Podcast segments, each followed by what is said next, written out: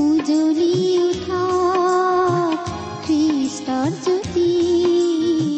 নমস্কাৰ আমাৰ মৰমীয়াল প্ৰভু যীশুৰ মহান নামেৰে আপোনাক এয়া ভক্তিবচন অনুষ্ঠানলৈ আদৰিছো।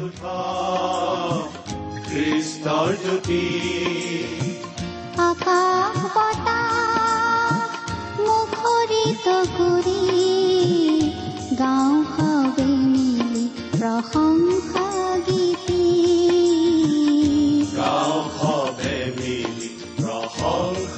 গীতি আজিৰে পবিত্ৰ ক্ষণতে উজলি উঠা খ্ৰীষ্টৰ জ্যোতি ঈশ্বৰে আপোনাক যি অসীম প্ৰেম কৰিলে তাক যদি অনুভৱ কৰিব বিচাৰে আৰু তেওঁৰ অগম্য বাক্যৰ মৌ মিঠা সোৱাদ ল'ব বিচাৰে তেন্তে আহক আজিৰ ভক্তিবচন অনুষ্ঠানটো মনোযোগেৰে শুনো। এয়া আপোনালৈ আগবঢ়াইছো। ঈশ্বৰৰ জীৱন্ত বাক্যৰ অনুষ্ঠান ভক্তিবচন।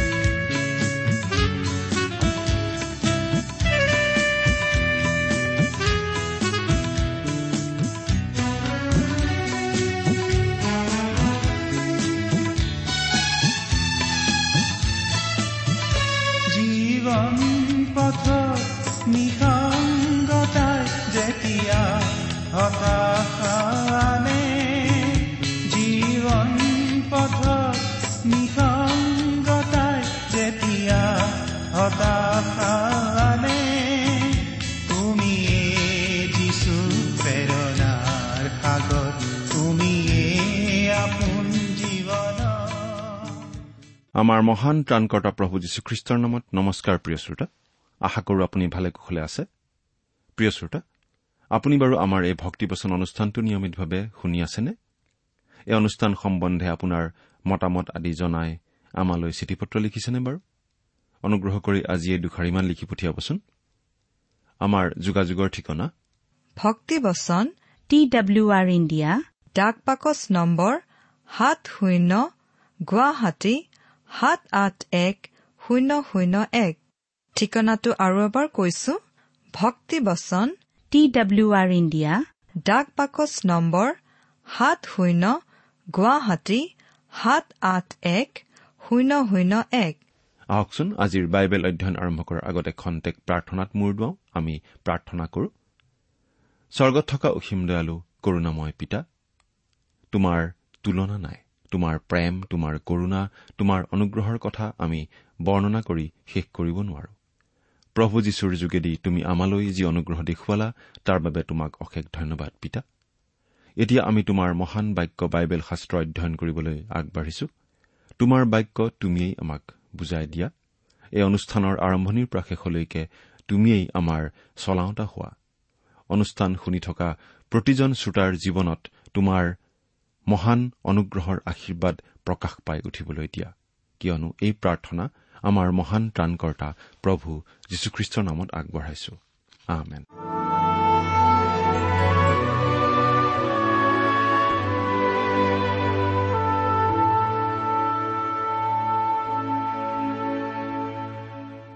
প্ৰিয় শ্ৰোতা আমি আজি কিছুদিনৰ পৰা বাইবেলৰ পুৰণি নিয়ম খণ্ডৰ জিহিচকেল ভাওবাদীৰ পুস্তক নম্বৰ পুস্তকখন অধ্যয়ন কৰি আছো। নহয়নে বাৰু?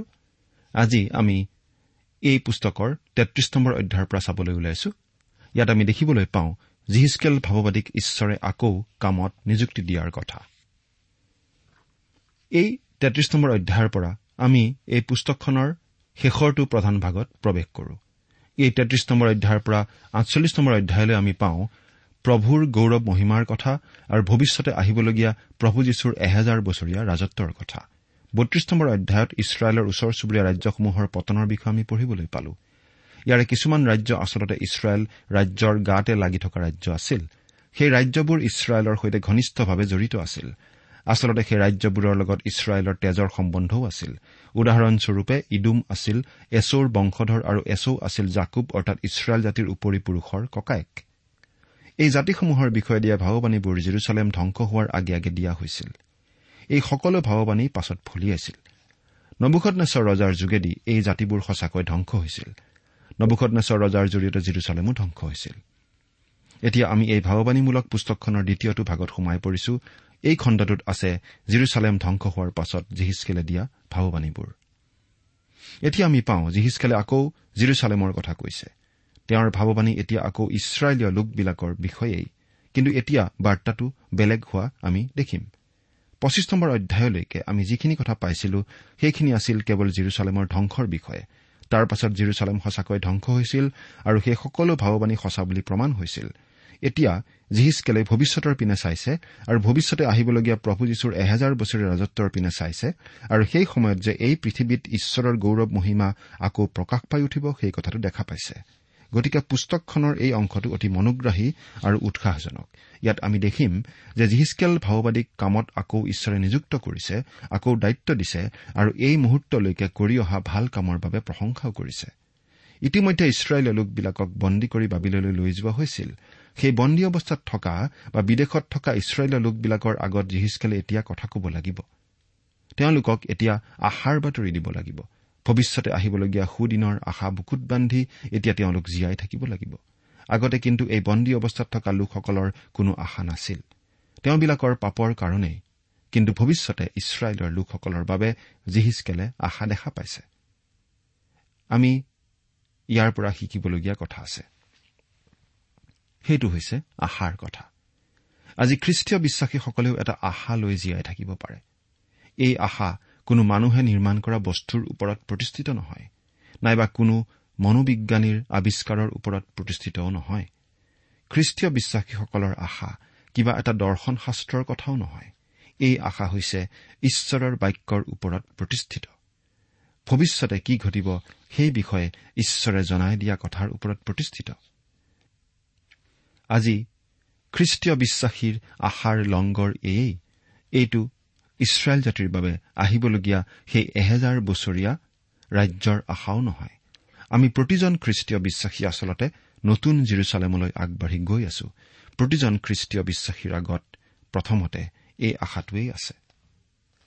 বাইবেলৰ পৰা পাঠ কৰি দিম তেত্ৰিশ নম্বৰ অধ্যায়ৰ এক নম্বৰ পদ। পুনৰাই জিহুৱাৰ বাক্য মোৰ ওচৰলৈ আহিল বোলে জিহিচকেল পুস্তকত এই কথাখিনি বাৰে বাৰে বাজি থকা এখন ৰেকৰ্ডৰ নিচিনা বাজি থাকে। এই কথাখিনি আমাক বাৰে বাৰে কৈ থকা হৈছে। অৰ্থাৎ জিহিচকালে আমাক এই কথা মনত পেলাই দি আছে যে তেওঁ আমাক কোনো নিজে আৱিষ্কাৰ কৰা কথা বা তত্বৰ কথা কোৱা নাই কিন্তু তেওঁ আমাক ঈশ্বৰৰ বাক্যহে জনাইছে। দুই আৰু তিনি নম্বৰ পদ। হে মনুষ্য সন্তান তুমি তোমাৰ জাতিৰ সন্তানবিলাকে সৈতে কথা হৈ তেওঁবিলাকক কোৱা মই কোনো দেশৰ বিৰুদ্ধে তৰোৱাল আনিলে যদি সেই দেশৰ লোকবিলাকে তেওঁবিলাকৰ মাজৰ পৰা কোনো মানুহক লৈ তেওঁবিলাকৰ নিমিত্তে তাক প্ৰহৰী নিযুক্ত কৰে আৰু তেওঁ দেশৰ অহিতে তৰোৱাল অহা দেখি যদি শিঙা বজাই তেওঁবিলাকক সতৰ্ক কৰে।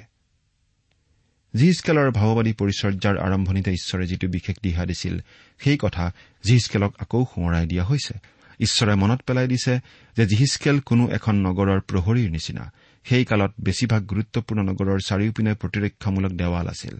ৰাতি দেৱালৰ ওপৰত পহৰা দি থাকিবলৈ প্ৰহৰী নিযুক্ত কৰা হৈছিল। কোনোবা শত্ৰু আহে নেকি চাই থাকিবলৈ। ৰাতি নিশ্চয় মাজে মাজে সেই প্ৰহৰীয়ে চিঞৰি চিঞৰি সকলোকে বাতৰি জনাই থাকিব লাগিছিল। কোনো শত্ৰুৰ আগমনৰ উমান নাপালে নিশ্চয় সকলো ঠিকেই আছে বুলি চিঞৰিব লাগিছিল আৰু মানুহবিলাক নিশ্চিন্তে শুব পাৰিছিল। কিন্তু মন কৰিবলগীয়া কথা এয়ে যে ইছৰাইলৰ মাজত থকা ভুৱা ভাওবাদীবিলাকে সকলো ঠিকে আছে বুলি অভয়বাণী শুনাই আছিল সন্মুখত বিপদ আহি থকা সত্বেও আচলতে তেওঁলোকে নিজেও সেই বিপদ আহি থকাৰ কথা গমেই পোৱা নাছিল কাৰণ তেওঁলোক আছিল ভুৱা ভাৱবাদী ঈশ্বৰৰ পৰা তেওঁলোকে কোনো নিৰ্দেশনা পোৱা নাছিল। আনহাতে জিহিচকেল আছিল অতি বিশ্বাসী প্ৰহৰী। তেওঁ মানুহবোৰক আগন্তুক বিপদৰ কথা জনাই দিছিল। সেই বিপদৰ কথা তেওঁ ঈশ্বৰৰ পৰা জানিব পাৰিছিল আৰু সেইবাবে গোটেই ইছৰাইলীয়া লোকক সেই কথা তেওঁ জনাই দিছিল।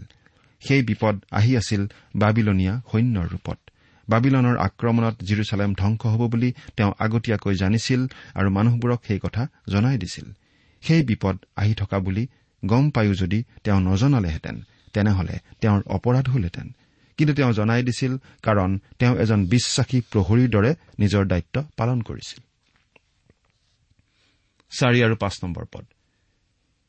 তেন্তে যেয়ে শিঙাৰ শব্দ শুনি সতৰ্ক নহয় আৰু তৰোৱালে আহি তেওঁক লৈ যায় তেনেহলে তেওঁ ৰক্তপাতৰ দোষ তেওঁৰ নিজৰ মূৰতে পৰিব।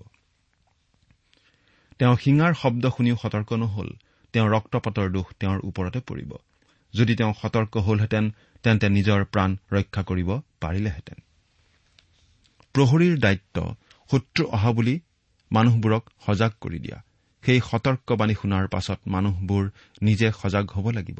তেতিয়া কোনো মানুহ সজাগ নোহোৱা বাবে মৃত্যুমুখত পৰিলেও সেই দোষ প্ৰহৰীৰ ওপৰত নপৰে। কাৰণ সতৰ্ক নোহোৱা বাবে মানুহজনহে দোষী। প্ৰহৰীয়েটোৰ শিঙা বজাই সতৰ্ক কৰি দিছিলেই। ছয় নম্বৰ পদ। কিন্তু প্ৰহৰীয়ে তৰোৱাল অহা দেখিও যদি শিঙা নবজায় আৰু মানুহবিলাক সতৰ্ক নহয় আৰু তৰোৱালে আহি তেওঁলোকৰ মাজৰ পৰা কোনো মানুহ লৈ যায় তেন্তে তেওঁক নিজৰ অপৰাধৰ কাৰণে নিয়া হ'ব। কিন্তু মই প্ৰহৰীৰ হাতৰ পৰা তেওঁৰ ৰক্তপাতৰ প্ৰতিশোধ ল'ম। এইটো অতি গুৰুত্বপূৰ্ণ কথা। শত্ৰু অহা দেখি যদি প্ৰহৰীজন নিজে পলায় কিন্তু শিঙা বজাই আনক সতৰ্ক কৰি নিদিয়ে তেতিয়াহ'লে মানুহবোৰক সেই প্ৰহৰীজনেই বধ কৰাৰ নিচিনা হ'ব। গতিকে মানুহবোৰৰ ৰক্তপাতৰ দোষ প্ৰহৰীজনৰ ওপৰতহে পৰিব। ইয়াত এই উদাহৰণটো দি জিহিচকেলক সাৱধান কৰি দিয়া হৈছে। মানুহবোৰক পাপৰ শাস্তিৰ বিষয়ে যাতে সাৱধান কৰি দিয়ে। ইছৰাইল জাতিৰ ওপৰলৈ যে ঈশ্বৰৰ অভিশাপ আহিব ধৰিছে তেওঁলোকৰ পাপৰ শাস্তিস্বৰূপে সেই কথা মানুহবোৰক জনাই সাৱধান কৰি দিয়াটো জিহিচকেলৰ দায়িত্ব আছিল। সাৱধান কৰি নিদিলে তেওঁক দোষী কৰা হ'ব বুলি ঈশ্বৰে জনাইছিল। মানুহবোৰক জিহিচকেলে সাৱধান কৰি দিছিল কিন্তু সেই ভুৱা ভাওবাণীবোৰে সাৱধান কৰি দিয়া নাছিল বৰং একো বিপদ নাই বুলি অভয়বাণী দি আছিল। জিহিচকেলে নিজৰ দায়িত্ব ঠিকেই পালন কৰিছিল। সাত নম্বৰ পদত আমি পাওঁ যে ঈশ্বৰে জিহিচকেলক ইছৰাইল জাতিৰ বাবে প্ৰহৰী নিযুক্ত কৰিছে। তেওঁলোকক সাৱধান কৰি দিয়াৰ দায়িত্ব দিছে। সেই দায়িত্ব জিহিচকেলে ভালদৰে পালন কৰিছিল। হে দুষ্ট তুমি নিশ্চয় মৰিবা। এই বুলি মই যেতিয়া দুষ্টক কওঁ আৰু তুমি দুষ্টক তাৰ পথৰ পৰা ঘূৰিবলৈ সতৰ্ক কৰিবৰ নিমিত্তে একো নোকোৱা তেতিয়া সেই দুষ্ট নিজ অপৰাধৰ কাৰণে মৰিব। কিন্তু মই তোমাৰ হাতৰ পৰা তাৰ ৰক্তপাতৰ প্ৰতিশোধ ল'ম। প্ৰহৰীজনৰ দায়িত্ব হৈছে বিপদৰ বিষয়ে সাৱধান কৰি দিয়াহে। জিহিচকেলৰ দায়িত্ব আছিল মানুহবোৰক যে তেওঁলোকৰ পাপৰ বাবে শাস্তি দিয়া হ'ব সেই বিষয়ে সাৱধান কৰি দিয়া। সেই সাৱধানবাণী শুনাই দিয়া কামটো জিহিচকেলে ঠিকেই কৰিছিল। অৱশ্যে মানুহবোৰে তেওঁলৈ কাণ দিয়া নাছিল কিন্তু তেনেদৰে সাৱধানবাণী শুনাইহে প্ৰহৰীজনে নিজৰ দোষ এৰাব পাৰে। মানুহবোৰে মন পালটন নকৰিলে শাস্তি পাব। কিন্তু প্ৰহৰীজনে যদি সাৱধানবাণী শুনাইছিল তেন্তে প্ৰহৰীজনৰ গাত একো দোষ আৰু নাথাকিব। আজি যিসকল লোকে প্ৰভু যীশুৰ বাক্য বিলাই আছে তেওঁলোকে ফলাফললৈ লক্ষ্য নকৰি নিজৰ কামটো ঠিকমতে কৰি যাব লাগে। বহুতো লোকে কয় আমি ফল দেখুওৱা প্ৰচাৰককহে নিযুক্তি দিব লাগে। ফলাফলটো পিছত আহিব কিন্তু মুখ্য কামটো হৈছে ঈশ্বৰৰ বাক্য বিলাই দিয়া। এজন বিখ্যাত বাইবেল শিক্ষকে কৈছিল কোনো এখন প্ৰচাৰ সভাত কিমানজন মানুহ আগুৱাই আহি প্ৰভুক গ্ৰহণ কৰিলে মই সেইটো নাচাওঁ। কিন্তু যিমানবোৰ মানুহ আশীৰ্বাদ প্ৰাৰ্থনাৰ পাছত বাহিৰ ওলাই গ'ল সেইবোৰলৈহে চাওঁ আৰু মনতে ভাবো তেওঁলোকক বাৰু সাৱধানবাণী ঠিকমতে শুনোৱা হলনে? আচলতে সেইটোহে আমাৰ মুখ্য চিন্তা হ'ব লাগে। আমি এই কথাটোত নিশ্চিত হ'ব লাগে যে যিবোৰ মানুহৰ আগত শুভবাৰ্তা ঘোষণা কৰা হ'ল তেওঁলোকক উচিতভাৱে সাৱধানবাণী শুনোৱা হ'ল। যদিহে সাৱধানবাণী শুনোৱা নহল তেনেহলে বক্তাজন দোষী হ'ব। নিজৰ কৰ্তব্যত অৱহেলা কৰাৰ কাৰণে তেওঁ ঈশ্বৰৰ আগত জবাবদিহি দিব লাগিব। কিন্তু যদি তুমি দুষ্টক তাৰ পথৰ পৰা ঘূৰিবলৈ তাৰ পথৰ বিষয়ে সতৰ্ক কৰা আৰু সি নিজ পথৰ পৰা নুঘূৰে তেন্তে সি নিজ অপৰাধৰ কাৰণে মৰিব। কিন্তু তুমি তোমাৰ প্ৰাণ ৰক্ষা কৰিবা। কিন্তু যদিহে আমি মানুহক সতৰ্ক কৰি দিয়া সত্বেও মানুহে মন পালটন কৰি পাপৰ পৰা নুঘূৰে তেতিয়া আমাৰ গাত আৰু দুখ নাই। প্ৰিয় শ্ৰোতা আজি আপুনি বাৰু নিজৰ বিষয়ে চিন্তা কৰি চাইছেনে? আপুনি বাৰু প্ৰভু যীশুৰ বিষয়ে কিমান দিনৰ পৰা শুনি আহিছে? প্ৰভু যীশুক গ্ৰহণ কৰি যে আমি পাপৰ পৰা পৰিত্ৰাণ লাভ কৰিব পাৰো সেই কথা আপুনি বাৰু কিমান দিনৰ পৰা শুনি আছে? পৰিত্ৰাণ গ্ৰহণ নকৰা লোক যে এদিন বগা সিংহাসনত বহা প্ৰভু যীশুৰ আগত সুদ বিচাৰৰ বাবে থিয় হ'ব লাগিব আৰু শেষ গতি যে হ'ব জ্বলন্ত নৰক সেই কথা বাৰু আপুনি সাৱধানবাণী হিচাপে শুনিছেনে?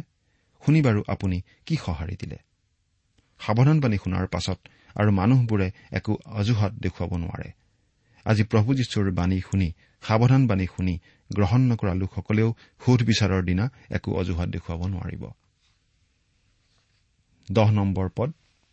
আৰু হে মনুষ্য সন্তান তুমি ইছৰাইল বংশক কোৱা। তোমালোকে কৈছা আমাৰ অপৰাধ আৰু পাপৰ ভাৰ আমাৰ ওপৰত আছে আৰু আমি সেইবোৰৰ কাৰণে ক্ষীণাই গৈছো। তেন্তে আমি কেনেকৈ জীয়াই থাকিম? বিপদ অহা বুলি জানিনো কি লাভ? যদিহে সেই বিপদৰ পৰা পৰিত্ৰাণ পোৱাৰ উপায় কি সেইটো আমি নাজানো। পাপত থকা মানুহৰ ওপৰলৈ ঈশ্বৰৰ সুদবিচাৰ নামি আহিব বুলি জানিনো কি লাভ? যদিহে তাৰ পৰা ৰক্ষা পোৱাৰ উপায় আমাক জনাই দিয়া নহয়। কিন্তু ঈশ্বৰে তেনে কৰা নাই। তেওঁ বিপদৰ কথাও জনাই দিছে আৰু বিপদৰ পৰা ৰক্ষা পৰিবলৈ কি কৰিব লাগিব সেই কথাও জনাই দিছে। ইছৰাইলৰ লোকবিলাকৰ আগত ঈশ্বৰে পৰিত্ৰাণৰ উপায় জনাই দিয়া আমি দেখিবলৈ পাওঁ। আৰু আজি প্ৰতিজন লোককে ঈশ্বৰে পৰিত্ৰাণৰ উপায় দিছে প্ৰভু যীশুৰ যোগেৰে। এঘাৰ নম্বৰ পদত আমি এনেদৰে পাওঁ যে ঈশ্বৰে অতি স্পষ্টভাৱে জনাই দিছে যে তেওঁ আচলতে কোনো মানুহক সুধবিচাৰ কৰি শাস্তি দিবলৈ ভাল নাপায়। আচলতে মানুহক সুধবিচাৰ কৰি শাস্তি দিয়াটো ঈশ্বৰৰ বাবে এটা আচহুৱা কামৰ নিচিনা। ঈশ্বৰে আচলতে মানুহক বচাব খোজে। তেওঁ ইছৰাইলৰ লোকসকলকো বচাব খোজে। সেইবাবে তেওঁ তেওঁলোকক আহান জনাইছে। তেওঁলোকে যাতে পাপৰ পথ ত্যাগ কৰি তেওঁলৈ ঘূৰে আৰু তেতিয়া তেওঁক ভৰসা কৰাৰ কাৰণে তেওঁলোক ৰক্ষা পৰিব। তেওঁলোকে জীৱন পাব। সেই কথাটো আজিও সত্য। আজিও ঈশ্বৰে বিচাৰে মানুহে যাতে জীৱনৰ পথ বাছি লয়। প্ৰভু যীশুক গ্ৰহণ কৰি মানুহে যাতে পৰিত্ৰাণ গ্ৰহণ কৰে। ঈশ্বৰে ইছৰাইলা লোকসকলক পৰিত্ৰাণৰ পথ জনাই দিছে। বাৰৰ পৰা ষোল্ল নম্বৰ পদলৈকে পাঠ কৰিলে আমি পাওঁ যে ইয়াত দুটা কথা অতি পৰিষ্কাৰ কৰি দিয়া হৈছে যে কোনো মানুহে নিজৰ ধাৰ্মিকতাত ভৰসা কৰি পৰিত্ৰাণ পাব নোৱাৰে। কিন্তু ঈশ্বৰত ভৰসা কৰিহে জীয়াই থাকিব পাৰিব। অৱশ্যে ইয়াত আন এটা কথাও কোৱা হৈছে। এই জীৱনত যদি ঈশ্বৰৰ অভিশাপৰ পৰা হাত সাৰিব লাগে তেন্তে কুপথ ত্যাগ কৰি পাপৰ পথ এৰি সৎকৰ্মৰ পথ ল'বই লাগিব। তথাপি প্ৰভুৰ পথ সমান নহয় বুলি তোমাৰ জাতিৰ সন্তানবিলাকে কয়। কিন্তু তেওঁবিলাকৰ এই পথ সমান নহয়। ইছৰাইলৰ লোকসকলে এটা আপত্তি দৰ্শাইছিল। তেওঁলোকে কৈছিল যে ঈশ্বৰৰ বিচাৰ যুক্তিসংগত নহয়। ঈশ্বৰে সকলোকে একেধৰণে বিচাৰ কৰাটো ঠিক হোৱা নাই কাৰণ বাবিলনত বন্দী হৈ থকা সেই ইছৰাইলীয় লোকবিলাকৰ মাজত কিছুমান ভাল মানুহো আছিল। অৰ্থাৎ তেওঁলোকে কৈছিল যে কিছুমান ভাল মানুহো শত্ৰুৰ হাতত বন্দী হৈ বাবিললৈ দেশান্তৰিত হ'ব লগা হৈছিল। সেইটো ঈশ্বৰে ভাল কৰা নাই। সেইটো উচিত হোৱা নাই। কিন্তু আমি মনত ৰখা উচিত যে ঈশ্বৰে ভুল নকৰে। তেওঁৰ বিচাৰ ন্যায়সংগত আৰু তেওঁৰ দৃষ্টিত আচলতে আমি কোনো ভাল নহয়। আচলতে ইছৰাইল জাতিটোক ঈশ্বৰে সামূহিকভাৱে দণ্ড দিছিল তেওঁলোকৰ অবাধ্যতাৰ কাৰণে।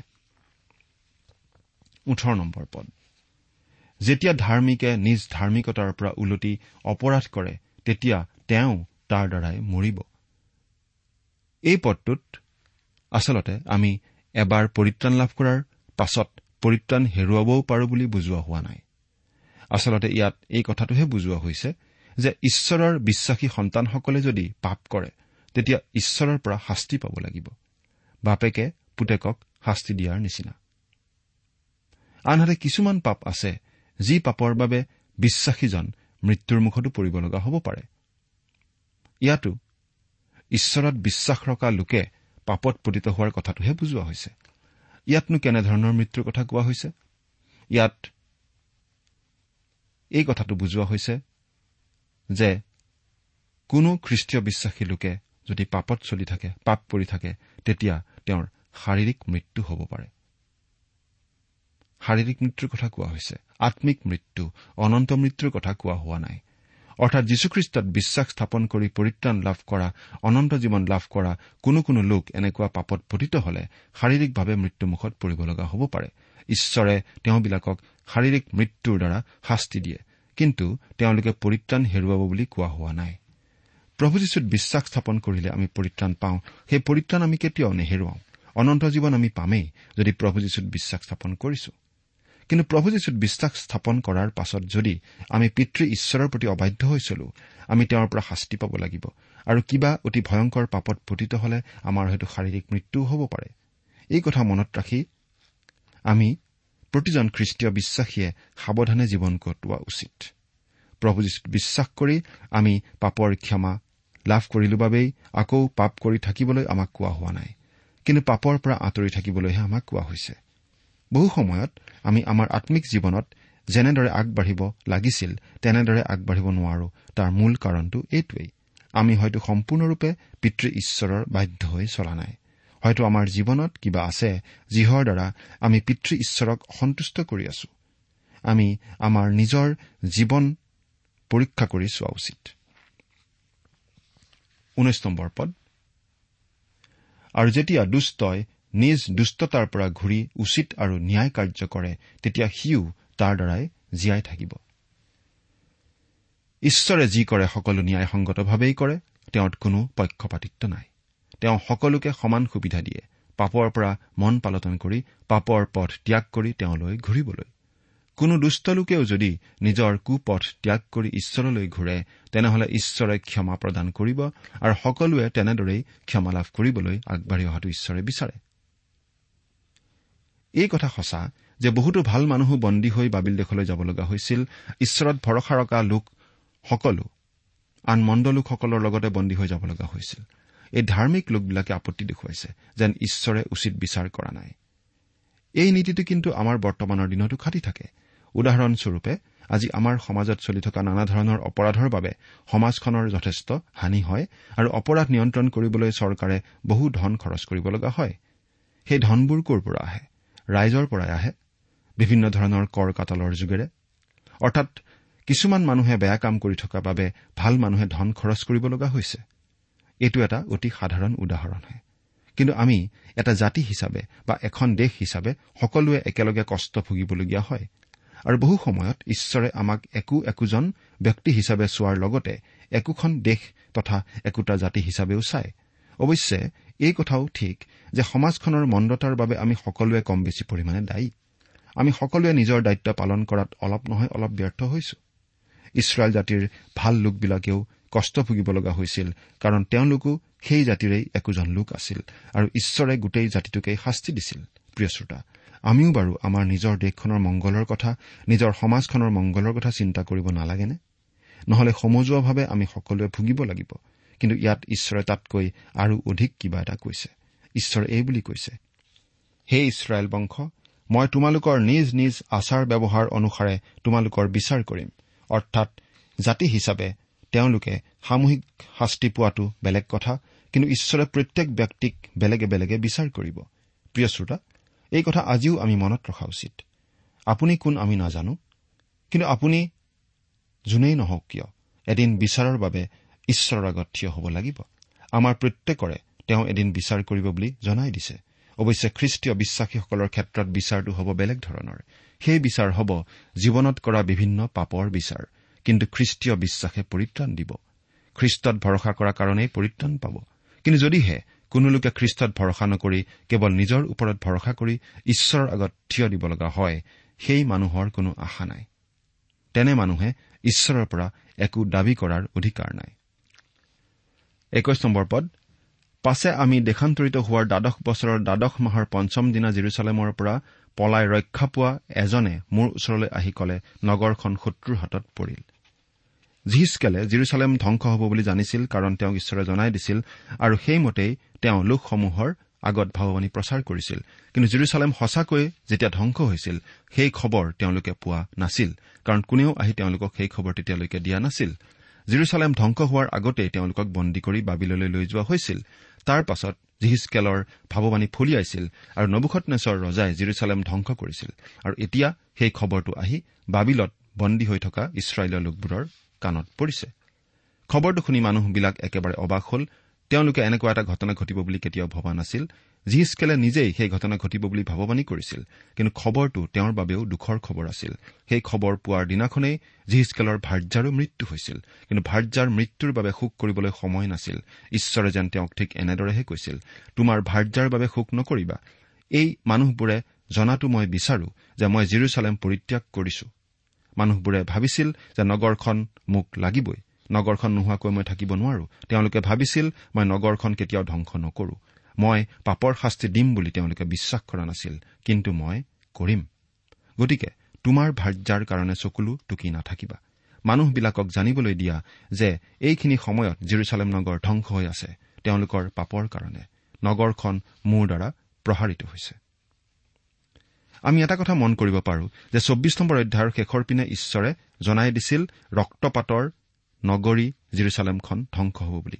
কিন্তু তাৰ পাছত পঁচিছ নম্বৰৰ পৰা তেত্ৰিশ নম্বৰ অধ্যায়ৰ এই পদলৈকে ঈশ্বৰে জিৰচালেমৰ বিষয়ে একো ভাৱবাণী দিয়া নাছিল বৰং তেওঁ ওচৰ চুবুৰীয়া জাতিবোৰৰ বিষয়ে বাৰ্তা দিছিল। কিন্তু এতিয়া আমি দেখিছো ঈশ্বৰে জিহিচকেলক জিৰচালেমৰ সম্বন্ধে বুবা কৰি ৰাখিব খোজা নাই। তেওঁ জিহিচকেলক কৈছে এতিয়া তোমালৈ মই কিছুমান বাৰ্তা আনিছো জিৰচালেমৰ বিষয়ে। ইয়াৰ পিছৰ পদকেইটাত আমি দেখিবলৈ পাওঁ যে জিৰচালেমৰ বিষয়ে জিহিচকেলৰ যোগেদি ঈশ্বৰে আৰু কিছু কথা জনাই দিছে। জিহিচকেলে আগতে ভাৱবাণী কৰাৰ নিচিনাকৈ সঁচাকৈ জিৰচালেমৰ পতন হল ভাৱবাণী সঁচা বুলি প্ৰমাণিত হল। গতিকে জিহিচকেল প্ৰকৃত ভাৱবাদী বুলি প্ৰমাণিত হল। কিন্তু জিহিচকেলে ঈশ্বৰৰ বাক্যই ঘোষণা কৰা বুলি জনাৰ পাছতো মানুহবোৰে কিন্তু সেই বাক্য মানি নচলিব। আচলতে অবিশ্বাসটো এটা স্বইচ্ছাই কৰা কাম। প্ৰিয় শ্ৰোতা সেই অবিশ্বাস আজিও মানুহৰ মাজত চলি আছে।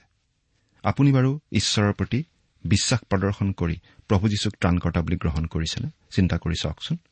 ঈশ্বৰে আপোনাক আশীৰ্বাদ কৰক।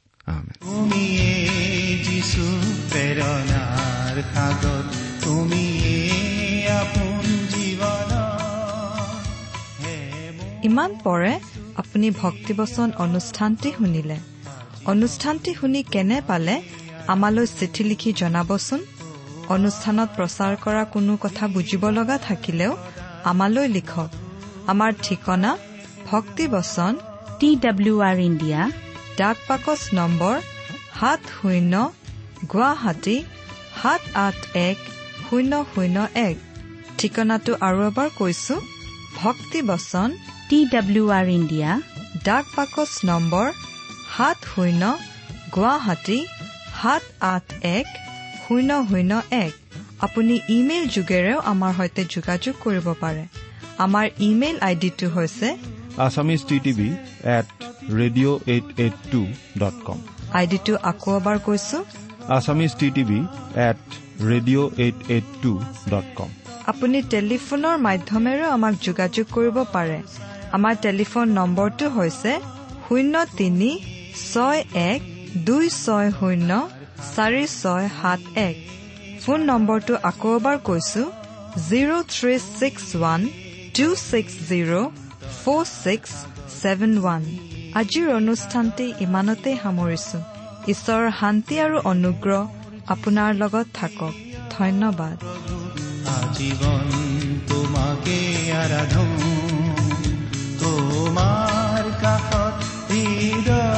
সদায় মধুৰতাৰে